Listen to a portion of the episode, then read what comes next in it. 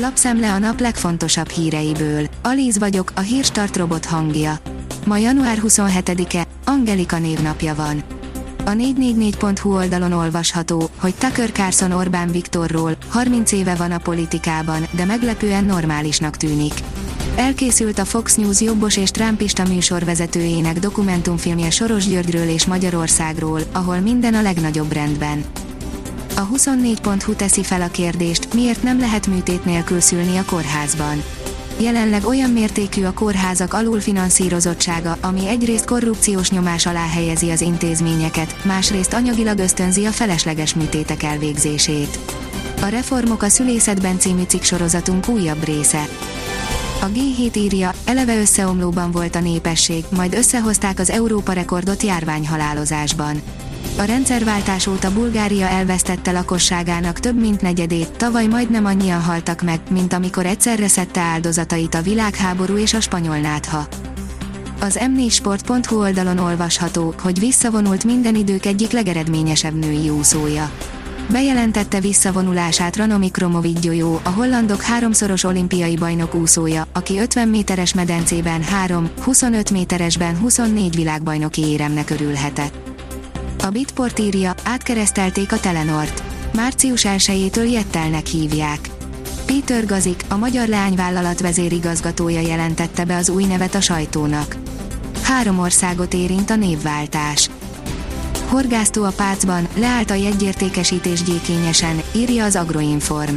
Nem lehet horgászni a Somogy megyei bányatavon, gyékényesen a kormányhivatal visszavonta a helyi egyesület hallgazdálkodási jogát. Magyar kockázatokat rejt az ukrán válság, írja a vg.hu. Nem csak a két közvetlenül érintett országban okozna érzékelhető problémákat az orosz-ukrán konfliktus eszkalálódása, a politikai mellett jelentkező gazdasági következmények Magyarországra, a szállítási útvonalakra és a munkaerőáramlásra is kihatnának. Oroszország csalódott, Putyin komoly döntésre készül, írja a portfólió. Moszkva szerint Washington nem vette figyelembe a fő orosz biztonsági aggályokat a javaslataira adott válaszában az Ukrajnához kapcsolódó feszültségre vonatkozóan.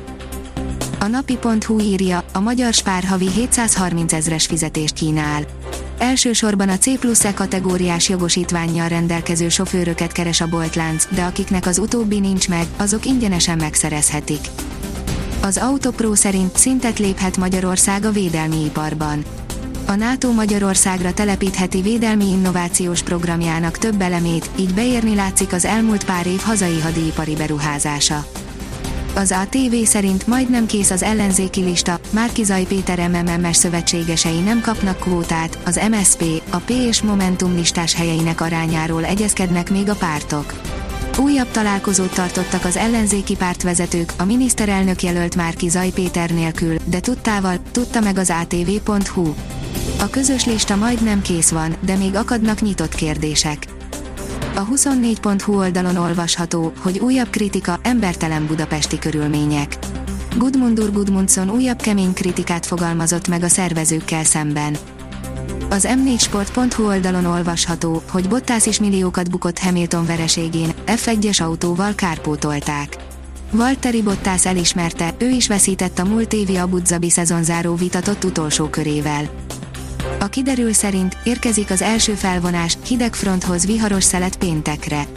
Késő este hideg front érkezik, pénteken nagy területen megerősödik, viharossá fokozódik a szél. Szombaton átmenetileg nyugodtabb idő jön, de vasárnap komoly szélvihar kerekedhet. A Hírstart friss lapszemléjét hallotta. Ha még több hírt szeretne hallani, kérjük, látogassa meg a podcast.hírstart.hu oldalunkat, vagy keressen minket a Spotify csatornánkon. Az elhangzott hírek teljes terjedelemben elérhetőek weboldalunkon is. Ha weboldalunkon hallgat minket, az egyel korábbi adás lejátszása automatikusan elindul. Beállíthatja, hogy az összes korábbi adás, vagy csak az aktuális tematika hírei következzenek.